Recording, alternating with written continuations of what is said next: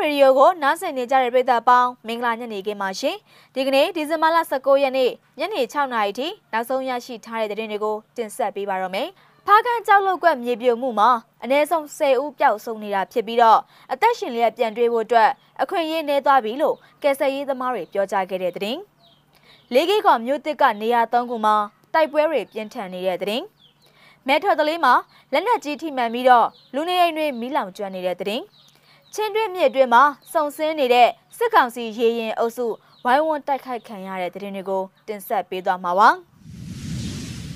ဦးဆောင်သတင်းသဘောအနေနဲ့ကချင်ပြည်နယ်ဖားကတ်မြို့မှာရှိတဲ့ကြောက်စိမ့်လောက်ကွက်တစ်ခုမှာဆက်ရနေရတွေနဲ့ ကြောက်ရှာဖွေနေချိန်မှာမြေပြုံမှုဖြစ်ပွားခဲ့ပြီးတော့အ ਨੇ ဆုံးလူ၁၀ဦးပျောက်ဆုံးလျက်ရှိပြီးအသက်ရှင်လျက်ပြန်တွေ့ဖို့အခွင့်အလမ်းတွေနေပါသွားပြီလို့ရှာဖွေကယ်ဆယ်ရေးသမားတွေကမျက်စိမှကိုပြောကြားခဲ့ပါတယ်။မနာမော်အနားမှာရှိတဲ့ကြောက်စိမ့်လောက်ကမှာဒီကနေ့မနက်2နာရီခန့်ကမြေပြုံမှုကြောင့်ရေကန်နဲ့မြေစာပစ်ကားနဲ့အတူရှင်မောင်းသမားကားပြနဲ့ရင်မစဲကြောက်ရှာဖွေနေသူတွေမြေပြိုတဲ့အထဲမှာပါသွားခဲ့တာပါ။ မြေပြိုမှုဖြစ်ပွားပြီးတဲ့နောက်မှာတော့မနက်လင်းချိန်ကလေးကရှာဖွေကယ်ဆယ်ရေးတွေကိုပါလေတွေနဲ့လှုပ်ဆောင်လျက်ရှိနေပေမဲ့လည်းအခုသတင်းပေးပို့တဲ့အချိန်ထိတအူးတယောက်မှရှာဖွေတွေ့ရှိခြင်းမရှိသေးတာကြောင့်အသက်ရှင်လျက်ပြန်တွေ့ဖို့အခွင့်အရေးတွေနှဲပါသွားပြီလို့ကယ်ဆယ်ရေးလှုပ်ဆောင်သူတွေကပြောခဲ့ပါတယ်။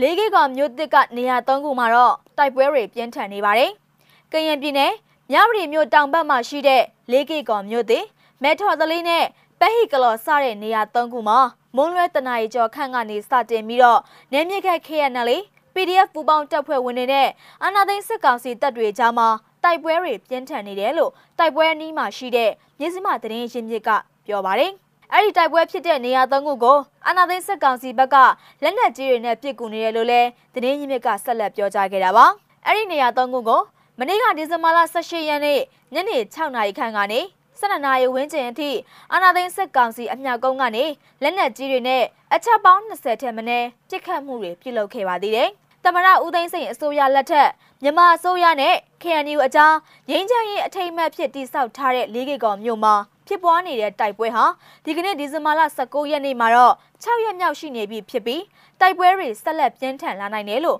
လေ့လာသူတွေကသုံးသပ်ထားကြပါတယ်။တိုက်ပွဲကြောင့်မြန်မာဘက်ချမ်းနဲ့ထိုင်းဘက်ချမ်းကိုထပ်ပြေးခုံလုံနေရသူစစ်ဘေးဒုက္ခတွေတထောင်ဝန်းကျင်ရှိလာပြီဖြစ်ကြောင်းကုညီကယ်ဆယ်ရေးဆောင်ရွက်နေသူတွေကခံမှန်းထားကြပါတယ်။ဒီတဲ့နဲ့ဆက်ဆက်ပြီးတော့မဲထော်တလေးမှာတော့လက်နက်ကြီးထိမှန်ပြီးတော့လူနေအိမ်တွေမီးလောင်ကျွမ်းနေတဲ့အကြောင်းကိုတင်ဆက်ပေးပါမယ်။ကရင်ပြည်နယ်မြဝတီမြို့တောင်ဘက်မှာရှိတဲ့ မဲထော်တလေးကျေးရွာစာတင်ကျောင်းရှိကနေအိမ်တွေကိုအာနာသိန်းစစ်ကောင်စီရဲ့ကြီးလက်နက်ကြီးထိမှန်ပြီးတော့ဒီကနေ့ဒီဇင်ဘာလ19ရက်နေ့မွန်းလွဲပိုင်းမှာမီးလောင်ကျွမ်းလျက်ရှိနေပါတယ်။အခု၄ခေတ်ကမဲထော်တလေးပဲဟီကလော်မှာပြစ်နေကြတယ်။ဒီဘက်ကလက်နက်ကြီးတန်တစ်ချက်တစ်ချက်ကြားနေရပါတယ်။ဗျူဟာကုန်းကနေပြစ်တာအဲ့ဒီ၃နေရာမှာပဲပြစ်မှာလို့တရင်ကြီးမြစ်ကပြောကြားခဲ့တာပါ။တိုက်ပွဲအတွင်းမှာ စစ်ကောင်စီအမြောက်ကုန်းခေါ်ဗျူဟာကုန်းကနေပြစ်ခတ်ခဲ့တဲ့လက်နက်ကြီးတွေဟာမက်ထာတလေးကျေးရွာမှာရှိတဲ့ပြည်သူအိမ်တွေပေါ်ကိုကြားရောက်ခဲ့တာဖြစ်ပြီးနေအိမ်တွေမီးလောင်ကျွမ်းနေခြင်းဖြစ်ကြောင်းသိရှိရပါတယ်။